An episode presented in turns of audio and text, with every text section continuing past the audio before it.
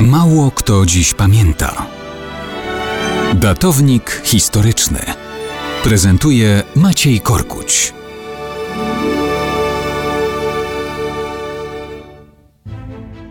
Mało kto dziś pamięta, że równe 190 lat temu, 25 lutego 1831 roku, rozegrała się bitwa o Olszynkę Grochowską. Największa i najkrwawsza obok Ostrołęckiej bitwa wojny polsko-rosyjskiej 1831. Polacy miesiąc wcześniej ogłosili niepodległość, zrzucając cara Mikołaja z polskiego tronu. Teraz Rosja zamierza w szybkiej kampanii pokazać, jak wielkie imperium miażdży buntowników.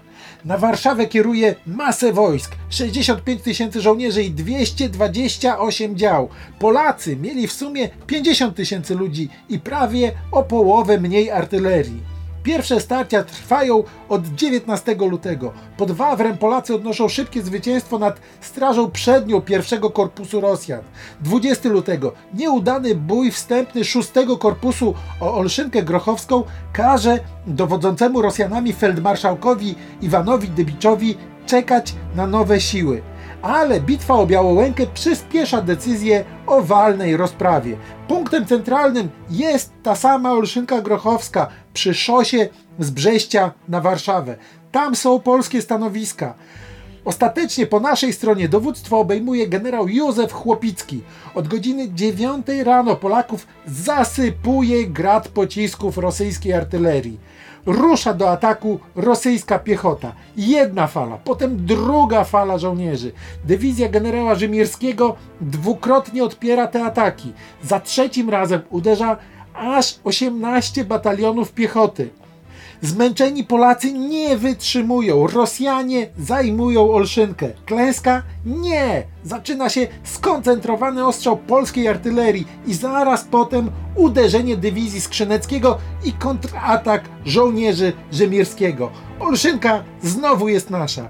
I wtedy na wykrwawione i wymęczone polskie jednostki Dybicz rzuca 25 batalionów nietkniętych bitwą wypoczętych wojsk. Nie mamy szans. Nie mamy? Chłopicki ponownie rzuca do ataku przetrzebione jednostki, wzmocnione chociaż świeżym pułkiem grenadierów. Znowu odbijamy Olszynkę. Jednak Dybicz wciąż ma rezerwy, rzuca nowe bataliony, znowu Olszynkę wydzierają nam Rosjanie. Wtedy polskie jednostki wycofują się w stronę Warszawy, ale Rosjanie też już ustępują. Ich siła ofensywna została przetrącona. Sama bitwa jest nierozstrzygnięta.